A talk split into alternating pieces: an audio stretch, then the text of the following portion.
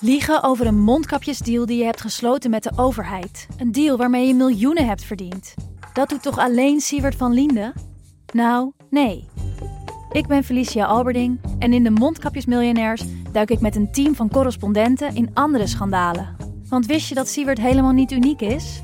Luister de Mondkapjesmiljonairs in je Podimo-app. Of ga naar podimo.nl slash mondkapjes. En probeer Podimo 30 dagen. podimo.nl slash mondkapjes. Deze podcast is 100% expertisevrij en alleen geschikt voor amusementsdoeleinden. De inhoud mag dus niet worden beschouwd als financieel advies. Dit is Jong Beleggen, de podcast. Ik ben Milou. En ik ben Dennis. Dennis, je bent terug. Yes, we gaan het hebben over het beleggingsproces. Je zegt van eigenlijk, we moeten het minder over resultaat hebben, maar meer over wat daarvoor afgaat aan Absoluut. het resultaat. Ja, ja, je proces bepaalt je resultaat. Ja. Maar toch is het ook belangrijk dat je goed resultaat hebt. Ja, uiteindelijk wel. Ja. Ja, maar aan die knop kan je zelf niet draaien. Nou, ik ben heel benieuwd.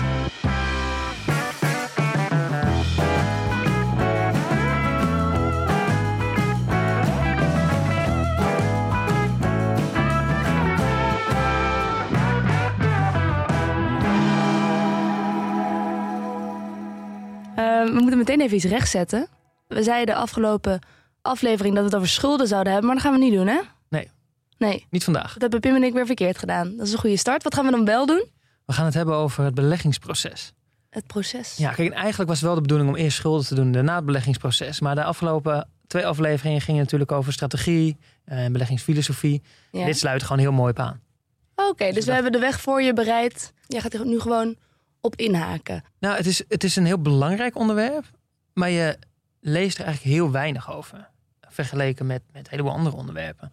Je leest best wel veel over strategie of over een bepaalde aanpak, maar echt over je beleggingsproces is wat eh, onderbelicht. Maar het is wel eh, alles wat je in je 30-jarige beleggingsleven doet, of hoe lang je ook belegt, maar eh, het gaat over je aanpak. Ja, oké, maar ik kan me wel voorstellen dat dat iets met strategie en filosofie te maken heeft. Maar wat, Ja. wat bedoel jij dan precies met het proces, wat dan nog steeds onderbelicht is gebleven? Ja, je hebt natuurlijk, je, je begint met je, eh, je hebt eerst een doel, je, je gaat ergens voor beleggen, je hebt een horizon. Vervolgens bedenk je een strategie die bij jou past. Dat is hoe je daar gaat komen bij je doel. Maar vervolgens moet je 30 jaar lang elke dag dingen doen. Ja, Dat stukje goed vormgeven, dat bepaalt echt je rendement. ja, ja. ja. Ehm, en dat is wat je, wat je al die dagen, al die jaren gaat doen. Dus het gaat meer om wat je doet en misschien minder over eh, wat er gebeurt daadwerkelijk, wat er uitkomt. Het gaat, je zegt van eigenlijk we moeten het minder over resultaat hebben, maar meer over wat daarvoor afgaat aan Absoluut. het resultaat. Ja, ja want je, uiteindelijk is het, eh, ehm, je proces bepaalt je resultaat. Dat is het. Ja, oké, dus je kan een, een resultaat hebben, maar het gaat niet zo, zoveel over nou, hoeveel rendement is dat, maar meer over hoe is dat bewerkstelligd. Want voor hetzelfde geld is het resultaat gewoon puur, wat we ook vaak zien in de beleggingswereld, gewoon geluk of Absoluut. pech. Ja, en, en, we- en dat is het ook nog. Kijk, ons brein is heel erg geneigd om keuzes te maken op basis van de outcomes. Hè? Van, van alle resultaten die je ziet of krijgt of hebt. En, maar daar zitten heel veel eigenlijk valkuilen in je eh, denkproces in. Je, maakt, je brein maakt best veel fouten als je gaat focussen op resultaat. Mhm. Als je dat gaat switchen naar wat betekent dat voor je proces, dan ehm, ga je heel veel winnen, denk ik. Ja, ja. En dat is in de samenleving, als het even groot trekken. We leven in een prestatiemaatschappij, hoor je vaak. Het gaat uiteindelijk om wat je levert, wat de outcome is, wat de prestatie is. Ja, En dat is eigenlijk minder interessant natuurlijk dan, als je, dan het proces. ja en, en wat het is het gevolg valt. van je Ja. proces. Dat is vooral belangrijk. Die outcomes, daar kan je, heb je weinig directe invloed op. Mhm. Op het proces wat je doorloopt, daar heb je zelf bijna de volledige controle over. Oké, waar gaan we beginnen? Zullen we eerst even gewoon even een, met, met een simpel voorbeeld Mhm. even duidelijk maken wat ik echt bedoel? Ja. Dat goed? Ja. Stel hè, we hebben een bak met 10 ballen. Mhm. In die bak zitten zeven rode en drie blauwe ballen. En steeds trekken we één van de tien. En jij moet raden of het rood of blauw is. Nou, welke kleur kies je? Zeven rode, drie blauwe ballen. Nou, dan denk ik dat de kans is het grootst dat het een rode bal is. Eh, precies. Altijd, iedereen kiest dat, zeg maar. Ja. Je kiest altijd, altijd de rode bal. Je hebt gewoon de meeste kans. En dat is precies de eh, goede redenatie. Simpel. Ja. En de, de uitkomst is dan dat, het- dat, dat de bal een kleur heeft. En of dat klopt met ja, nou, of, precies. Maar ja. het proces is in deze mijn kansinschatting. Ja, kansinschatting. Ja. Ja. je hebt het vaker goed als je rood kiest. Dus je kiest gewoon altijd rood. Ja. Oké, en dan nog een voorbeeld. Nou, en daar moet je wat beter over nadenken. Want het is echt een belangrijke beslissing. Want je Oké. moet een risicovolle operatie ondergaan. Ja. Je hebt een hele complexe aandoening.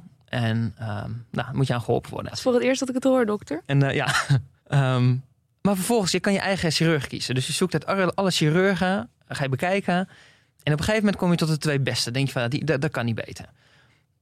En vervolgens ga je kijken van, ja, maar hoe vaak eh, overleven die mensen nou bij die twee chirurgen? En bij de ene chirurg eh, overleeft 80% van de gevallen. En bij de andere chirurg 60%. Ja. Moet je even goed over nadenken, maar welke kies je? Nou, op basis van de informatie die ik heb... bij de ene chirurg overleven 80% en de andere 60%... zou je zeggen, dan kies je diegene met 80%. Maar weten we alles van deze chirurgen? Of is er meer informatie? Precies. Ja, en dit is precies wat je, als je nu naar de outcomes kijkt, dan, dan is het simpel. Zeg maar. Dan, zeg, dan denk je van, nou, dan moet je niet met 80. Ja.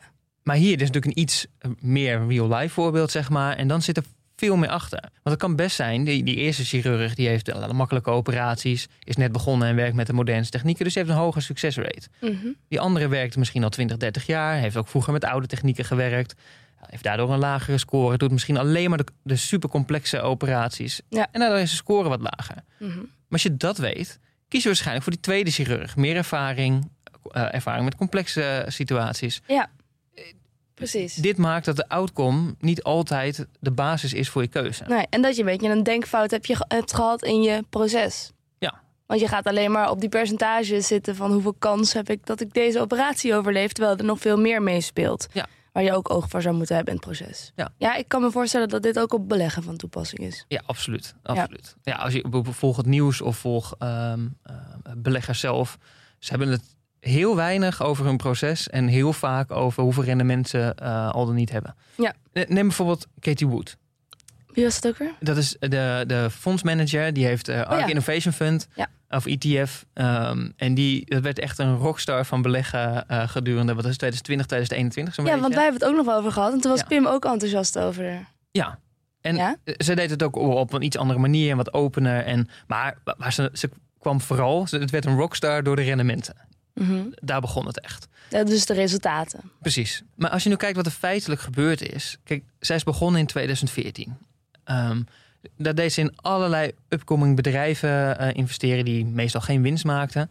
En even later gebeurden er twee dingen. Ik bedoel, eerst kwam er een pandemie en werden juist die bedrijven heel veel interessanter. En de tweede, door al die lockdowns en we verveelden ons een beetje. Dus er gingen ook allemaal mensen beleggen. En die gingen vooral in dat type bedrijven beleggen, omdat die in één keer omhoog schoten. Dat is wat gebeurde. Dus die resultaten die waren niet per se eh, veroorzaakt door Katie Wood zelf, maar door de omstandigheden. Oké, en Dat zij had daar op voorhand geen inzicht in. Zij, zij dacht niet van dit gaat gebeuren. Want Nee, niemand had kunnen voorspellen Nee, er... precies. Niet, niemand kwam. voorspelt dat de coronapandemie kwam, zeg maar. Die, die, ja, die kwam op een gegeven moment. Ja. Ze heeft daar niet, niet slim op voorgesorteerd. Ze, dit is gewoon haar, eh, dit is waarin zij belegt. Ja, En dan zitten de omstandigheden mee en dan schiet die rendementen schieten Ja. door het dak. ze had geluk. Wat dit betreft had ze geluk. Punt. Dus, en maar dat zie je, kijk, dit is een voorbeeld, maar je ziet dit vaker. Hè? Je ziet vaker dat, dat, dat een soort van heldenstatus, dat, dat is het meestal niet. Eh, het, het komt meestal ergens anders door. En als je nu ook kijkt, hè, in die periode vanaf 2014 tot en met nu, staat haar rendement iets boven de 80%. En als je naar de Nasdaq kijkt, nou, enigszins hè, ook met, met tech gevuld eh, mandje aandelen is, Mhm. die staat op 157%. Dat is een extreme underperformance. En als je naar de geschiedenis gaat kijken, alles voor 2014, zie je dat ze best wel vaak underperformed. Op oudere fondsen waar ze in heeft gezeten. Ja, Dat ze dan wisselt van fonds, dus het gaat slecht, ze gaat wisselen van fonds. Dan gaat ze opnieuw beginnen. een soort schone lei. En ja, en, en- je slechte resultaten verdoezelen. precies, want je begint weer op nul. Ja, Uh, en dan, dan lees je ook nog wat het voormalig leidinggevende. Die zijn ook heel kritisch op. eh, Er zijn er ook een paar die zeggen van nou, je, je- er is een volledig gebrek aan risicomanagement bij haar. oké. Dus als je even iets verder terugkijkt, Ja. dan, dan ehm, eh, Dan heeft ze gewoon een track record van underperformance. En ja, en heeft ze één moment in tijd gehad waardoor ze een rockstar werd, omdat het volledig door dak ging, eh, de Ja. rendementen. Ja. Maar dan nog steeds geldt hier ook, eh, je hoeft het niet af te schrijven, zeg maar. Het kan oh, natuurlijk. toch niet? Nee, zeker niet, want het Oh. kan best zijn. eh, Want deze, de regel van, van de, de outcomes of de resultaten eh, beoordelen, die geldt ook andersom natuurlijk. Het kan natuurlijk wel zeker zijn dat haar proces uitstekend op orde is. Dat ze nu underperformt, maar dat we als we eh, over 10 jaar of over 20 jaar kijken, dat ze op lange termijn heel erg outperformt. Alleen dat het heel erg eh, eh, bumpy eh, verloopt. Ja. Ja, ja, ja. maar het is Dus- het dus- voorbeeld van resultaat denken en iemand een rockstar maken. Nou, niet per se op basis van eh, iemands proces. Nee, dus als je iemand gaat volgen, wil je eigenlijk eh, niet focussen op diens resultaten. Ook wat je vaak bij influencers die schermen met eh, enorme rendementen, weet je wel. Dat, wij leerden al, of wij leerden, Ja. Pim legde al van het begin af aan uit van...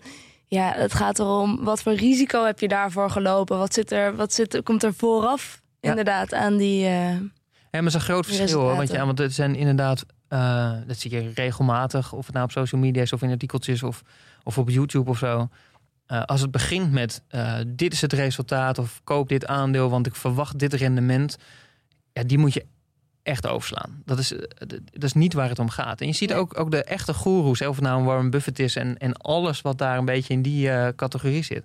Die hebben het zelden over een rendement of over deze positie heb ik gekocht, want ik verwacht dit. Dat soort uitspraken doen ze niet. Die, die praten, als je goed kijkt, eigenlijk altijd over hun proces. Wat Ja, doen ja. ze om te komen tot ehm, nou, de, de, de keuzes die ze maken? ja, dus eigenlijk rendement is voor losers. Zullen we dat zeggen? Ja, laten we dat gewoon zeggen. Oké, dus een, een goed proces, Dennis. Hoe ziet dat er dan uit? Hoe ziet het eruit? Het is, eigenlijk kan je teruggrijpen op. Het is een beetje de theorie van eh, decision making. Hm. Algemeen. Ja. Eh, ja, dus eh, of je nou een, managementrol hebt of, of een baan hebt waar je veel keuze moet maken. Het, is, het is een afgeleide van een decision making proces. ja, daar zitten afwegingen in. Ja. Ehm, toch? Ja, ja, ja, absoluut. En stappen. En nou, hier kan ik alvast de, de boekentip geven. Zeg maar. Dat is een heel mooi boek over geschreven door Paul Schoenmaker. Dat is een Nederlander. Hij woont of is hoogleraar in Amerika, geloof ik. En Edward Russo. Winning Decisions heet dat. Is al een wat ouder boek, maar die is en blijft gewoon goed. Ja. Dat heb jij En- gelezen? Ja, en Paul Schoenmaker is echt de autoriteit op het gebied van decision making. Dus zijn, eh, eh, zijn vakgebied is, eh nou, behelst bijna alleen maar hoe maak ik beslissingen. Ja.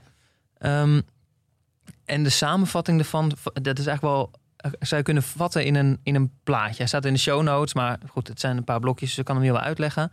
En daarin stellen ze eigenlijk van ja, een goed proces met een goede outcome, dat is deserved succes. Je hebt het gewoon verdiend. Want je Ja. hebt een goed proces, goede outcome, Terecht, verdiend we. Ja. als je een goed proces hebt, maar een bad outcome, dan heb je een bad break.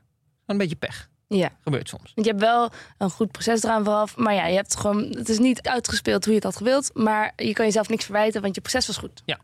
Dan heb je nog een sle- een, een slecht proces, maar wel een goede outcome.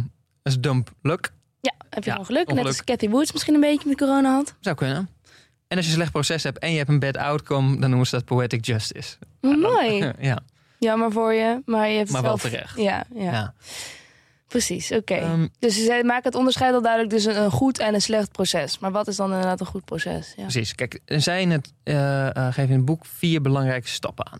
En die vier stappen zijn framing, gather intelligence, reach a conclusion en learning from experience.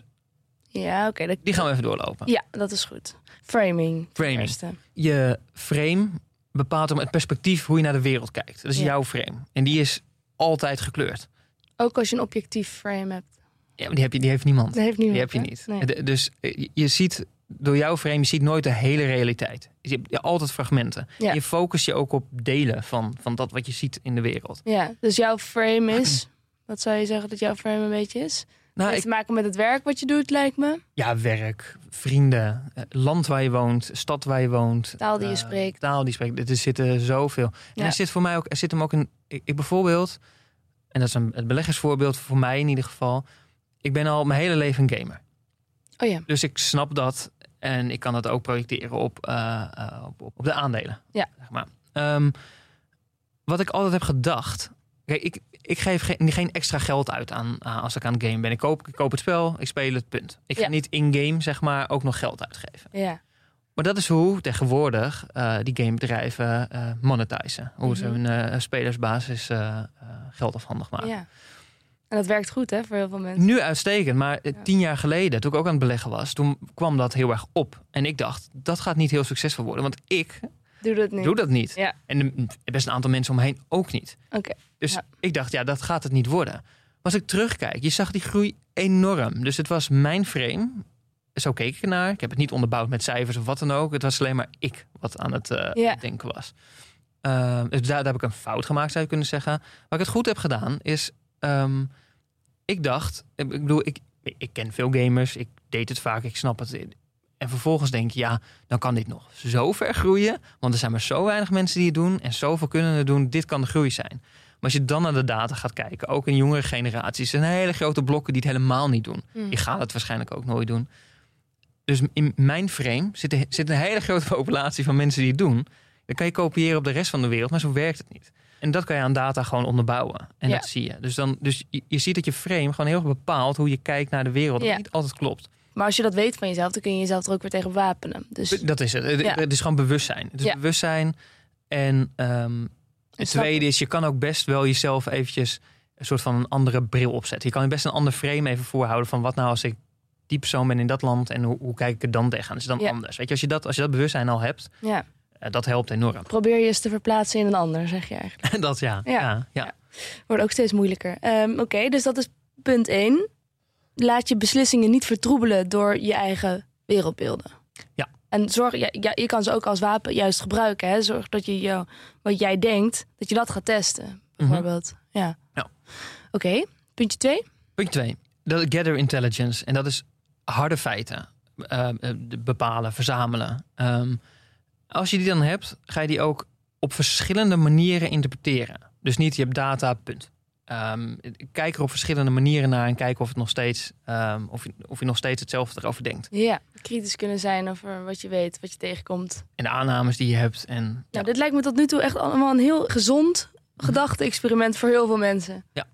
Toch? ja, is het absoluut. Ja. Het is gewoon niet wat je, wat je brein vanzelf doet. Je brein Nee. doet niet vanzelf je ongelijk aantonen. Je brein gaat vanzelf zoeken naar waarom je gelijk hebt. Ja. Dat is gewoon wat gebeurt. En dat vond ik zelf wel een leerzaam punt hieraan. De meest beschikbare informatie wordt doorgaans als de belangrijkste feiten meegenomen. Je ziet het het vaakst en wat je brein automatisch doet, is dat zijn de belangrijkste feiten.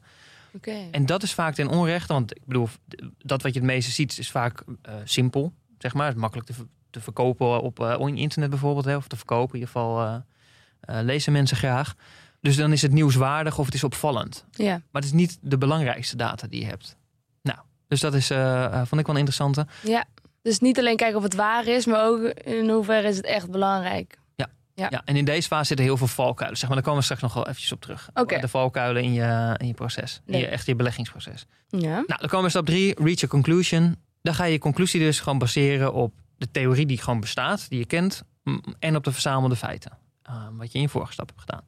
En met theorie bedoel ik, of door de zijn in het boek eigenlijk, hè, maar ik maak er even een beleggersvoorbeeld van. Stel een aandeel zakt 30% eh, en is dus goedkoper, dus de kans op bestijging is groter, dus ik koop het.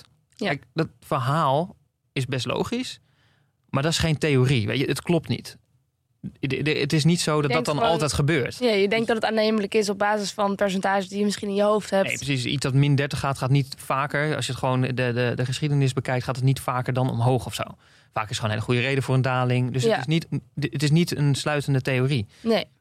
Eh, Daar moet je kritisch op zijn. Ook een ander voorbeeld: hè, bedrijven die veel dividenden uitkeren, aandelen inkopen en omzetgroei laten zien, doen het op lange termijn beter dan een benchmark.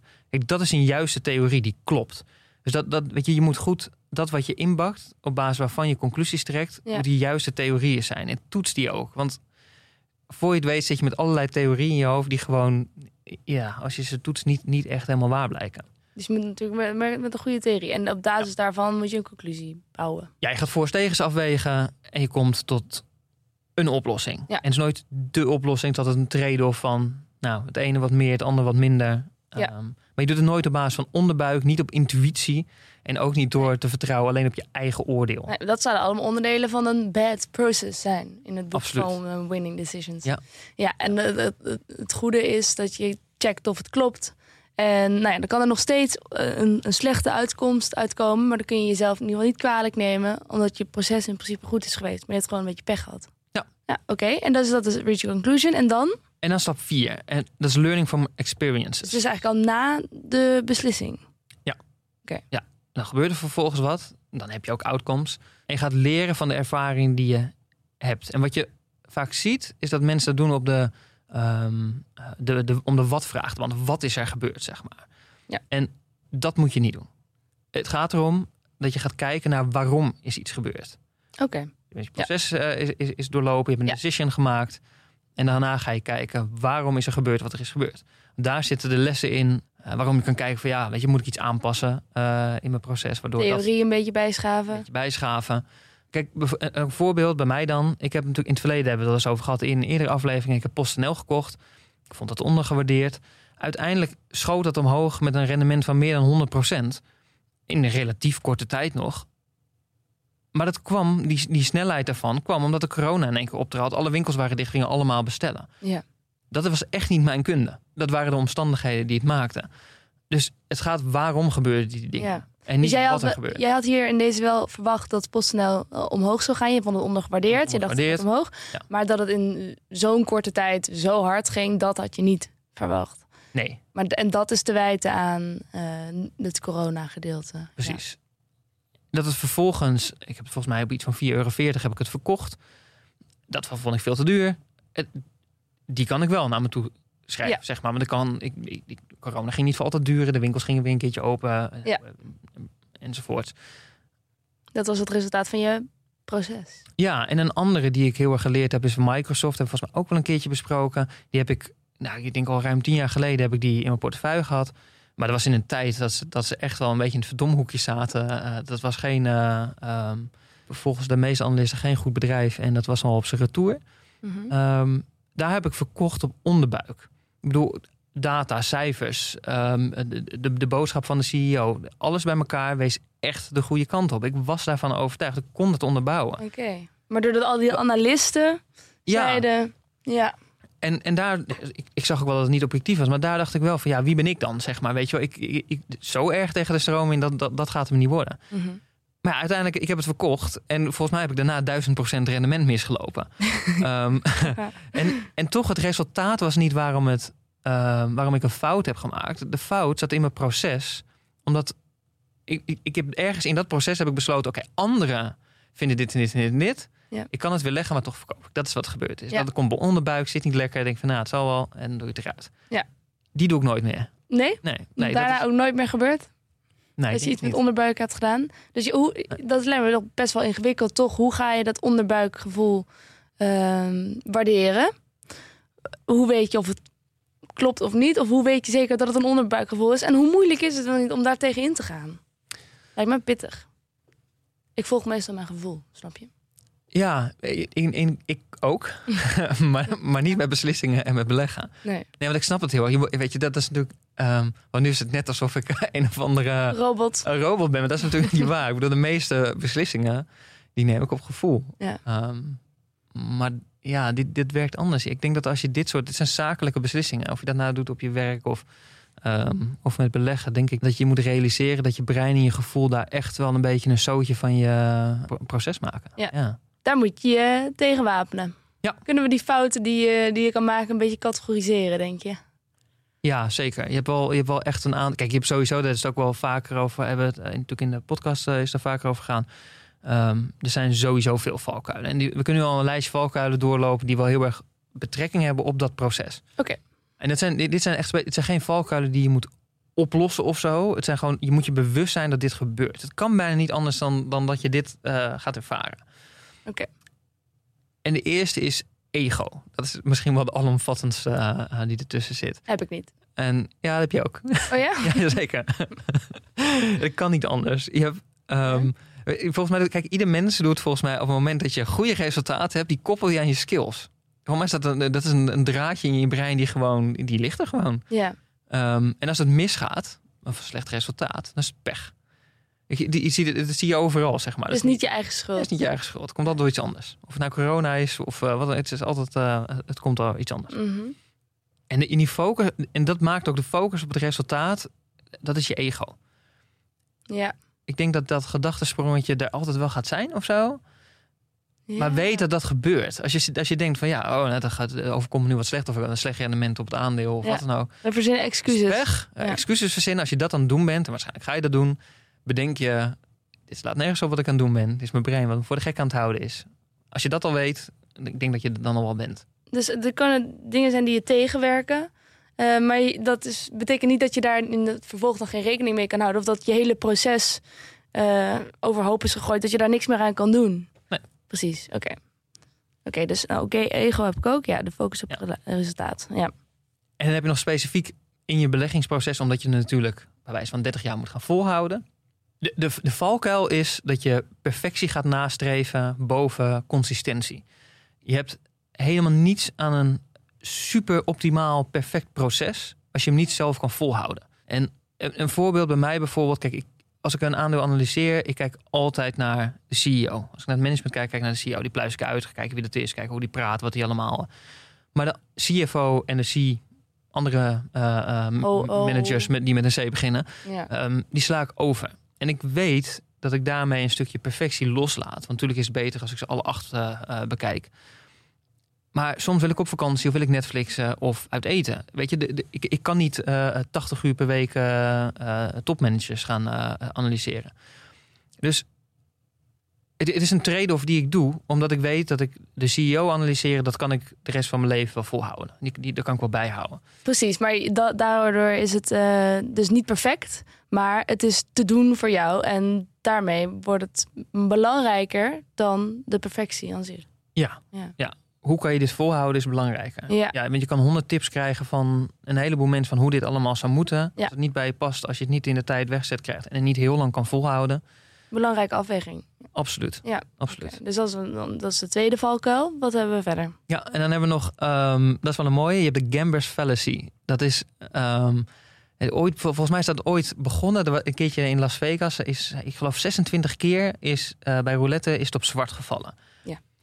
Dat moment is een soort van meest verliesgevende eh, reeks voor eh, gokkers. Ja, voor, niet voor het casino. Nee, voor het casino. Want iedereen denkt dan, nu wordt het rood. Nu wordt het rood, nu wordt het rood, nu wordt het rood. En Ja. daar is zo extreem veel geld verloren. Dat men dacht van, dit is interessant. Want ik, bedoel, het is elke keer 50-50. Het maakt niet Ja. uit, als het duizend keer op, op, eh, op, op zwart gelegen. Dan heb je nog altijd de 50-50. Maar het gebeurt dus wel blijkbaar. En, dan, en volgens mij zijn ze op basis van dat voorbeeld... hebben ze best wel veel onderzoek naar gedaan. En wat je bijvoorbeeld ziet... ehm, als mensen mogen kiezen tussen een reeks met kop of munt, zeg maar. Hè? En je gaat zes keer ga je, eh, de coin flippen. En er wordt de vraag gesteld, welke serie is waarschijnlijker? Kop, munt, munt, kop, munt, kop. Of kop, kop, kop, munt, munt, munt. Dan kiest bijna iedereen voor de eerste. Ja. Maar dat is niet waar. Nee, het, is, het, is, het zijn gelijke kansen. Ja. Ehm, en het, het punt is, en er zijn heel, is heel veel onderzoek naar gedaan... maar de Gamblers Fallacy is eh, het idee dat mensen... die zien een patroon die er helemaal niet is. Met beleggen gebeurt het niet heel erg anders. Je- Ik zie toch ook best wel vaak van... ja, ik heb nou drie keer een aandeel niet verkocht... terwijl die op plus 30 stond. Dat is zonde. Ik had gewoon eigenlijk moeten verkopen. Want ja, is het toch plus 30. Dus dat, dat, dan ga je dat inbakken. Maar dat patroon, dat is natuurlijk, daar kan je nergens op onderbouwen. Dat is Ja. een soort van, eh, ja, maar blijkbaar gebeurt dat steeds. Ehm, het kan ook gebeuren met als je op dit moment vijf uitstekend presterende aandelen hebt eh, in een bepaalde sector, techsector of zo. En je andere tien posities staan zwaar in het rood. Dan is het van ja, daar ga ik toch meer in tech beleggen. Want daar Ja. gaat het wel goed. Ik denk dat mensen weten dat het irrationeel is. Mhm. Eh, maar dat je, het is toch ook een soort eh, bijgeloof misschien. Dat je denkt van, het moet dan wel een keer zo zijn. Ja, het moet dan. Ja, en ik weet dat ja. het niet rationeel is, maar de kans op nog een keer zwart is in mijn hoofd gewoon echt dan toch. Ja, het, ja, precies. Het is, En het is niet rationeel, het is bij, bijgeloof. Ja, het is bijgeloof. En het, maar het is ook ergens naar een patroon kijken en denken dat het een patroon is. Terwijl er mega veel eh, randomness in zit, zeg maar. Ja. Ehm, Dus wat moet je dan doen om Ja. deze, dit te voorkomen? als je zelf denkt dat je een patroon ziet, toets even aan de hand van de data. En, en, en laten wat, of het nou kansberekening is of, of wat dan ook. Maar, maar stop er ook even wat eh, eh, intelligentie tegenaan en kijk of het echt, echt een patroon is. Wat in de toekomst ook waarschijnlijk is dat het gaat gebeuren. Ja. Ja. Of dat je brein hebt gedacht, hé, hey, dit is Ja. een patroon. Check even of het klopt. Ja, Ja. oké. Nog meer? Ja, dan heb je nog de, eh, wat, de mensen doen, is craving narrative, zeg maar. Hè? Dus dat is, je wil het verhaal, zeg maar. Je wil, je wil een verhaal geloven. Dat is heel erg wat je wil. Ehm, En dat raakt ook wel een beetje aan de vorige, of niet? Je wil een patroon zien, je wil een verhaal geloven. ja, alleen een verhaal geeft ons... ehm, eh, kijk, een patroon zie je omdat je rationeel denkt dat het een patroon is. Een narrative of een verhaal wil je, dat geeft je comfort in je beslissingen. gemoed, ja. ja, dat voelt fijner. Mensen onthouden beter met, in een verhaal. Mensen Ja, ja, kunnen het dan eh, plaatsen. Ja. Ja, dus d- daar gaan we op handelen. Op basis van verhalen, inclusief voorspellingen vaak. En eh, eerst even die voorspellingen. Kijk, die voorspellingen van toekomstige resultaat van dit aandeel... dat gaat waarschijnlijk volgend jaar 30% doen... of al dat soort eh, uitspraken. Dat is een soort van altijd al onzin. Ze hebben ook onderzoek gedaan naar allerlei van die ehm, eh, artikelen... die bijvoorbeeld één keer in het jaar geplaatst worden... van deze tien aandelen gaan de komende tien jaar het beste doen. Dat hebben ze jaren gevolgd.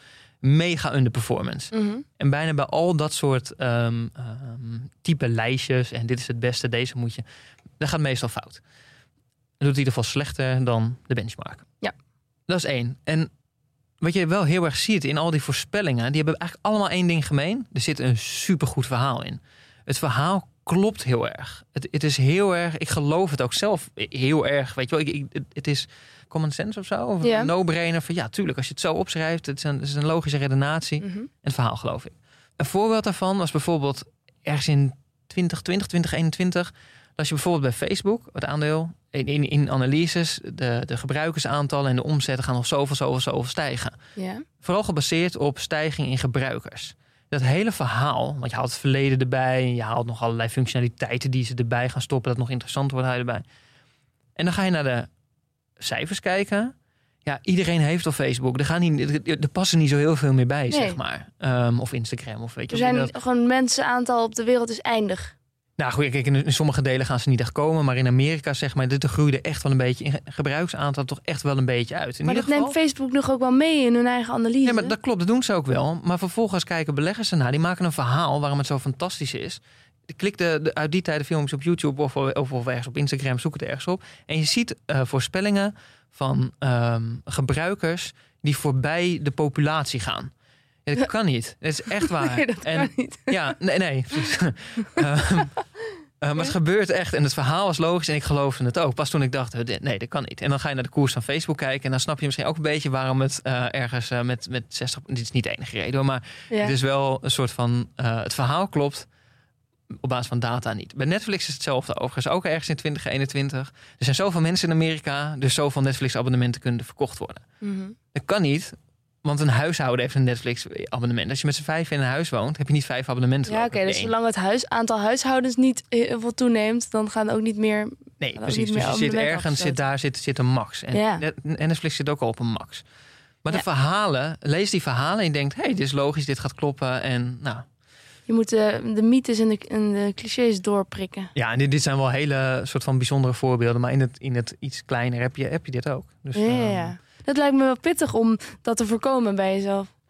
ja, is het ook. En het gebeurt ook bijna altijd als ik een, een goed verhaal lees. En ik denk van, hé, hey, dit, dit klopt. Hier kan ik me in vinden. Dan eh, Dan moet er bij jou een alarmbel is afgaan. het. Ja, Ja, klopt het wel. ja. Pak dan even gewoon de feiten of de cijfers. Of, eh, en dat is het ook. Je ziet ook veel, veel goede beleggers die koppelen ook verhaal aan harde data. Het is een beetje het. eh, Het staven van de, hun beweringen. precies. Ja. Ja. ja, die moeten matchen. Oké. Volgende. Ja, volgende. Outcome bias. En die heeft vooral te maken met, met het evaluatiemoment. Ik denk dat iedereen die serieus heeft gepokerd, die, die, die moet dit enorm herkennen. Daar, daar zit een superbelangrijke les in namelijk. Want stel ik heb een hand en die heeft 80% kans om te winnen en ik zet al mijn chips in. En toch verlies ik. Kijk, dan is de beslissing goed geweest en de uitkomst niet. Dat is een simpele variant. Omdat je zelf had berekend dat je 80% kans had en dat klopte. En dat klopte. Maar ja, Maar ja, je kan nog steeds verlies. 20% kans dat je het niet wint. Ja. Precies. En als je dat nog een stapje verder doet, je zet al je chips in, eh, omdat ik ongeveer weet wat de ander kan hebben. En ik schat in dat de tegenstander ongeveer 40% van de keren wint, ik 60% van de keer. Op basis van wat ik denk wat hij heeft of zij. ja. Je zet alles in, de ander blijkt een betere hand te hebben en je verliest alles. En nu hoeft mijn beslissing nog steeds niet fout te zijn geweest. Maar de uitkomst bepaalt niet of die beslissing goed is of niet. Dus Nee. ik moet terug naar de situatie waarin ik die 40-60 inschatting maak. Ja. En dan kijken, was die inschatting nou goed? Heb ik toen de juiste keuze gemaakt? Is het zo? Heb ik deze handen, had hij die echt kunnen hebben? Of had, had ik, heb ik daar iets, iets Ja. analy- analyse Heb verkeerd ik gedaan? misrekeningen gedaan. Had hij meer procent kans om te winnen. Dus je kijkt naar de 40-60 inschatting. Je kijkt niet, oh, het resultaat was niet goed. Dit ging fout, ik ben mijn chips kwijt. ja. Dus wat ik deed was niet goed. Je Ja. moet terug analyseren alsof je de uitkomst niet wist. Zo denken pokeraars. Eh, Ja, zo, in ieder geval de, de goede pokeraars die denken Ja, zo. Ja, Want die willen leren van hun fouten. En dat volgende keer voorkomen. ja en die, die scherpen hun eh, decision-making process zo Ja. aan. Ja, ja, ja, precies. Oké, dus dit heeft alles te maken inderdaad met... wees niet te gefocust op resultaat. Kijk naar het proces. En, eh, ja, Alsof het Eh, het- resultaat er niet was het geweest. resultaat is niet verklarend. Nee. Ja, oké. Uh, ja, en dan heb je ook nog een mooie probability en possibility. Lijken een beetje op elkaar, maar die zijn echt verschillend. De super simpelste uitleg is gewoon als je de staatsloterij speelt en je koopt een lot, ja, dan kan je zeggen je hebt 50% kans om te winnen van de, van, hè, om de jackpot te winnen, want je wint hem niet of wel. Dus 50%. Dat slaat natuurlijk nergens op, maar in beleggen zie je wel degelijk dat, dat die redenaties gemaakt worden. Oh ja. En bijvoorbeeld, je ziet soms van ja, ik, ik neem deze beslissing niet of ik koop het aandeel niet, want er is een kans dat er dit en dit gebeurt. Weet je wel, misschien gaat het wel failliet of zo. ja. Dat kan, maar dat is een soort van possibility. Je ziet in analyses en in redenaties van mensen heel veel possibilities. ja, de mogelijkheden. Mogelijkheden dat het gaat gebeuren. ja. En die moet je echt, als je dat doet, en daar betrap ik mezelf ook op hoor, maar maak daar probabilities van. Waarschijnlijkheden. Wat zijn de waarschijnlijkheden? Hoeveel kans is dat nou echt? Hoe waarschijnlijk is het dat het gebeurt? Ja, En dan, traint je om veel specifieker te zijn met je percentages ook. ja, en dan gaat het natuurlijk niet om dat je, dat je daadwerkelijk of 7% of 12% aanhangt. Dat, je, dat, dat is niet zo relevant. Dat kan ook helemaal niet. Maar een beetje een notie van eh, wat is dit nou? Maak ik nou, ben ik nou een angst voor mezelf aan het eh, eh, oprapen, die niet helemaal heel reëel is. Ja. Ehm, ja, en het gebeurt vaker. De- dit is eentje die ja, bij mij, maar ik zie hem heel vaak, heel vaak gebeuren. Nou, het is goed als je daar, Ja. als je die gaat herkennen. En is er nog een laatste? Ja, en die hebben we eigenlijk net al wel een beetje besproken. Dat is eh, die, die outcome-minded beleggers volgen. Dat, dat is wel een valkuil. Moet je niet doen. Nee, soms doen ze het heel goed, soms niet. Het Ja. klinkt vaak heel aanlokkelijk, want ze denken dat je ergens één keer heel veel rendement mee gaat maken. Ja. Eh, dus de tip is wel, negeer dat een beetje. Maar wat wel leuk is om te vermelden, vind ik. Kijk, twee bekende beleggers van ons, die vallen echt in de categorie van process-minded beleggen. En dat zijn Pim en Mees. Ze hebben allebei een andere strategie en andere expertise. En het, het, hun proces ziet er ook anders uit. Maar beide zijn er bijna volledig op gefocust. Die, die, zijn bezig met hoe kan ik nou betere beslissingen nemen? Wat ben ik daar nou aan het doen Ja. om eh, rendement eh, te optimaliseren? En kijk, die outcome-minded beleggers, daar, daar zou ik geen euro aan durven geven om te beleggen voor mijn pensioen. Ik zou het prima vinden om de rest van mijn leven mijn geld aan Pim en aan Mees te geven. En dan eh, beleggen die dat op mijn pensioen. Want ik weet, die worden beter in beleggen. Ja. En die zijn niet de hele tijd bezig met hun outcomes. Het Dus zijn die- de pokeraars onder de beleggers. ik denk het wel, ja. Ja. ja. En dat is toch weer een negatieve connotatie, want dan denken mensen het heeft met gokken te maken. Maar nee, dat hebben we net uitgelegd. Nee. Pokeraars willen beter worden. Dat Precies. is Pim en Mees. Ja. Grappig is dat al dit soort eh, valkuilen, dat klinkt allemaal heel logisch. En van ja, weten we, weten we. Mhm. Maar eh, je kan je tegelijkertijd voorstellen dat het wel ook moeilijk is om als het jezelf overkomt, omdat Ja. eh, als je er zelf in stapt, dat dat moeilijk is te herkennen. Ja, en het punt is ook wel. Tegenstrijdig eigenlijk. Ja, veel, veel zijn misschien ook een beetje open deuren. Ja, en, en het, het is vrij makkelijk uitleggen. Ja. Maar kijk, kijk eens terug naar de beslissingen op individuele aandelen die je hebt genomen. Je- gaat altijd ergens toch net eventjes iets niet, misschien niet helemaal hebben eh, Ja. eh, verfijnd, zeg maar. En helemaal als je je proces gaat maken en weer terug gaat kijken naar hoe heb ik dat nou gedaan. Ja, neem deze goed mee. Want dan blijkt echt dat het, hoe simpel het ook klinkt, als je het in praktijk gaat toepassen, kom je ze echt tegen. Ja.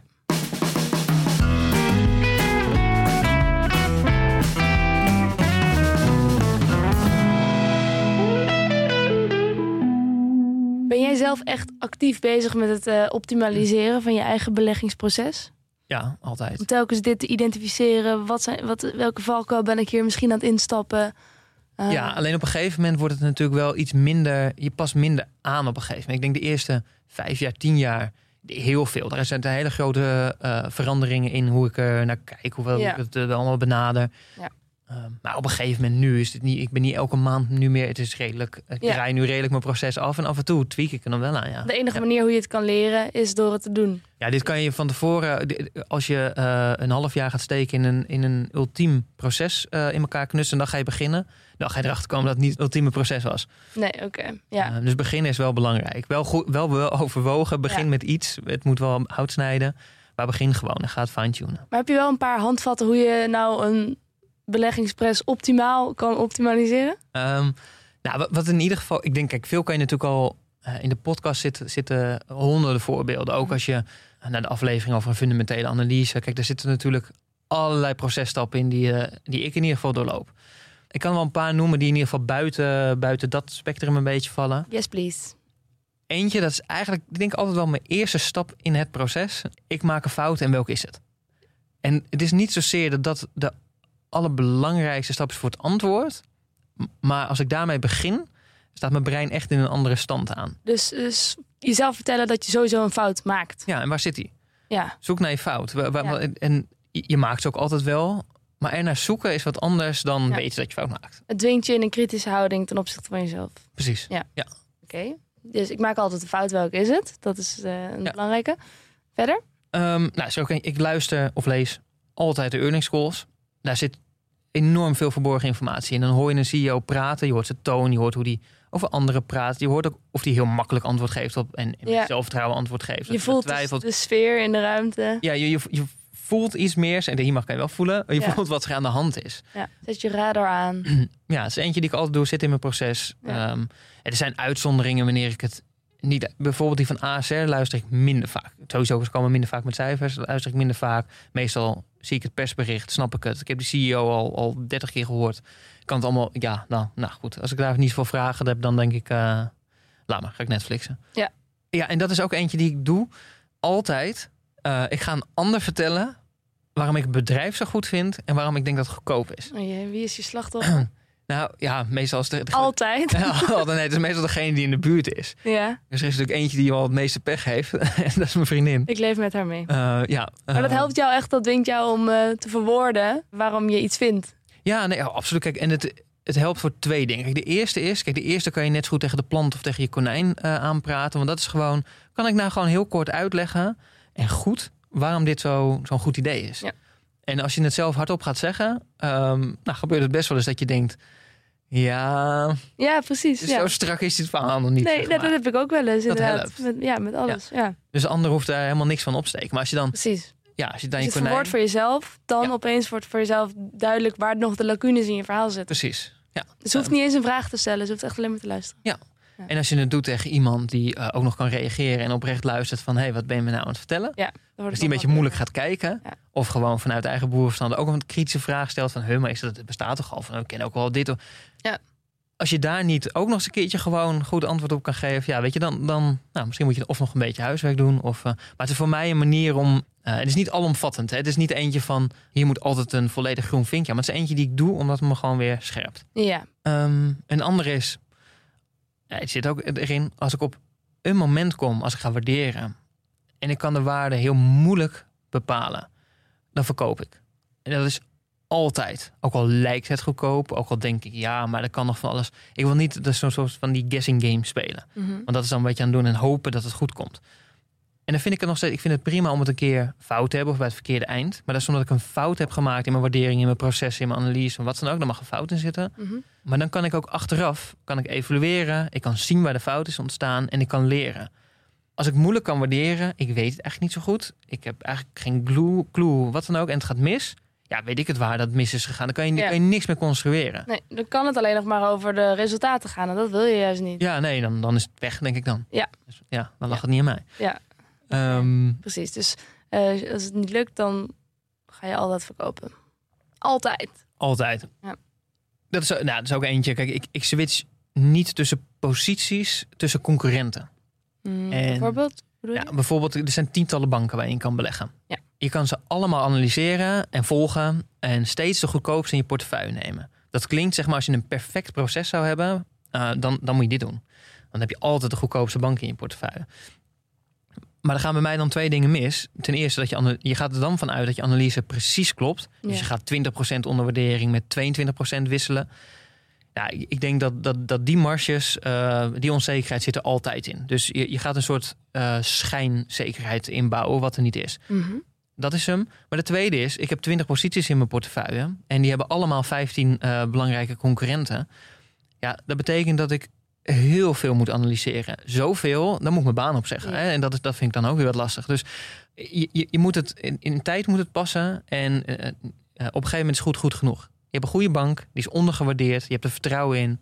Bij mij gaat er dan gewoon een punt achter. Precies. Ja. En dan krijg ik vaak van, ja, waarom heb je niet die andere? Dat is toch goedkoper? Of ik denk, ja, dat zou kunnen. Maar ja, dan blijf ik bezig. Ja, Dat is... eh, ja. Ja. Kap even met kritisch zijn. nou ja, het zit in mijn proces, maar ook omdat ik dat eerder een Ja, keertje dacht, oh, die is wel goedkoop. En nu pak ik die. En op een gegeven moment denk ik, ja, ik ben vooral transactiekosten aan het maken nu. Ja. Dat is dan, eh, ja, en dat moet je ook niet hebben. Nee. Nee. Eh, Oké, nog meer lessen. eh, ja, we doen er nog twee.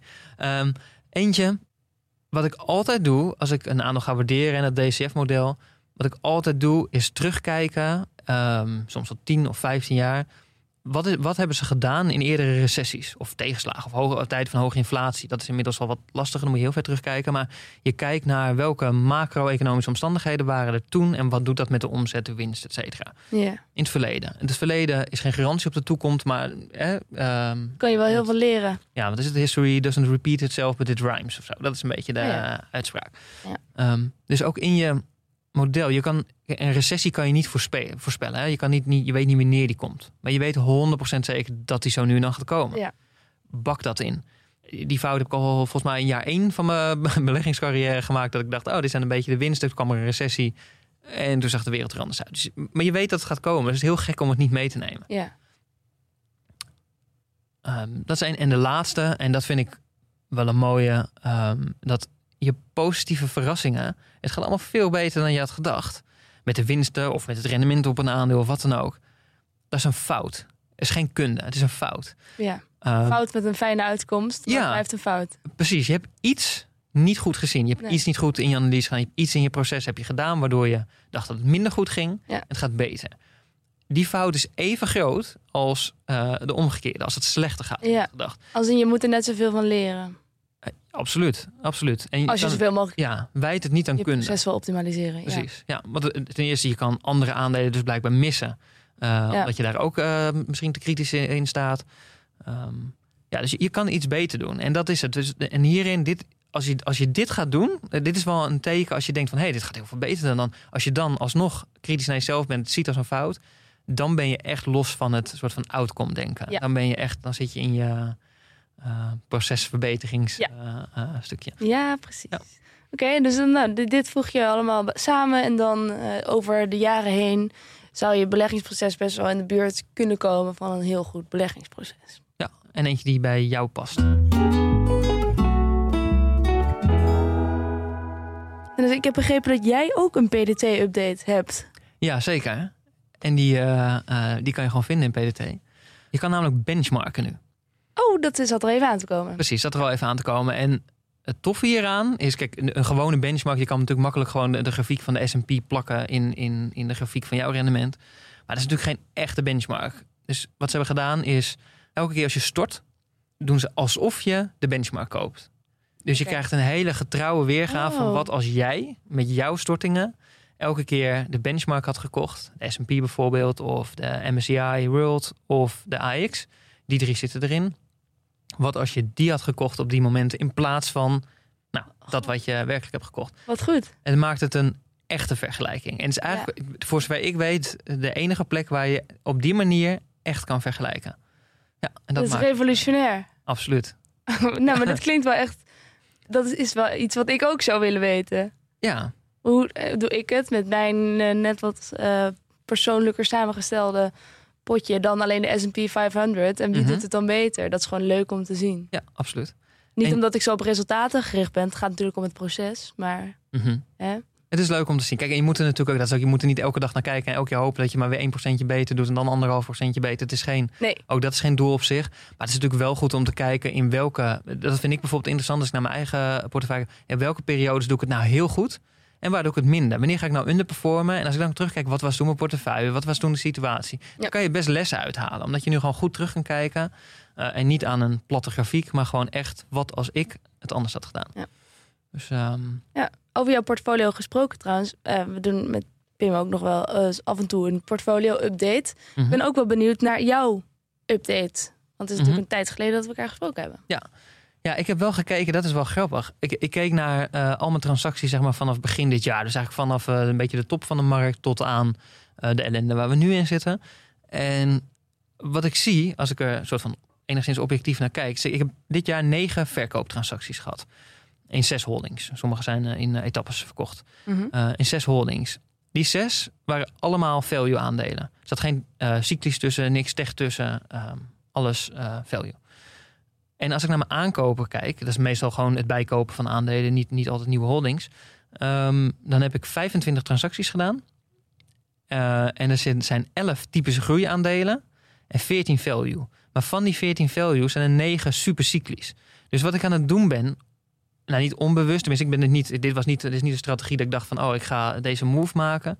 Maar je ziet bij mij dus heel erg dat ik nu veel meer waarde zie in alles wat cyclisch is, wat tech is, wat groeien is.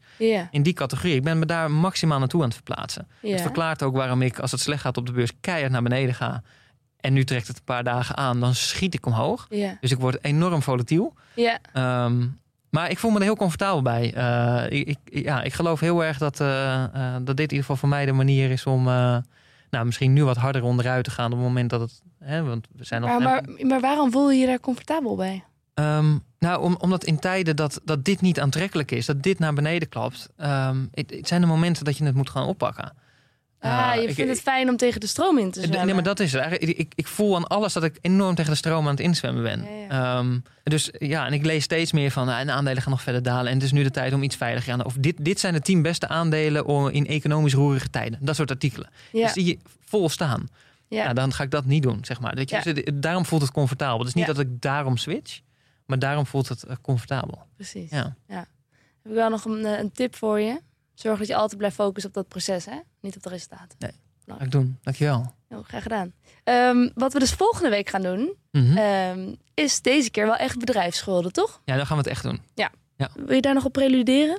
Ehm, nou, wat, wel, wat vooral interessant is aan, aan het schuldenvraagstuk. Ik denk dat er heel veel, ik krijg heel veel vragen over. Dus het is best wel wat onduidelijkheid. Het is wel echt een specifiek onderwerp als je een aandeel analyseert. En je, of je kijkt naar je eigen aandelen in je portefeuille. Wat doet die schuldpositie nou? En nu is die misschien wel extra belangrijk omdat rentes oplopen. Dus eh, goed om daar naar te Ja. kijken. Er zit een hele wereld achter. Dus het is een beetje een verdieping op, op, eh, op één stukje van de fundamentele analyse. Ik ben heel benieuwd, dus ik wacht het af. En in de tussentijd, jongens, investeer in je kennis en beleg met beleid.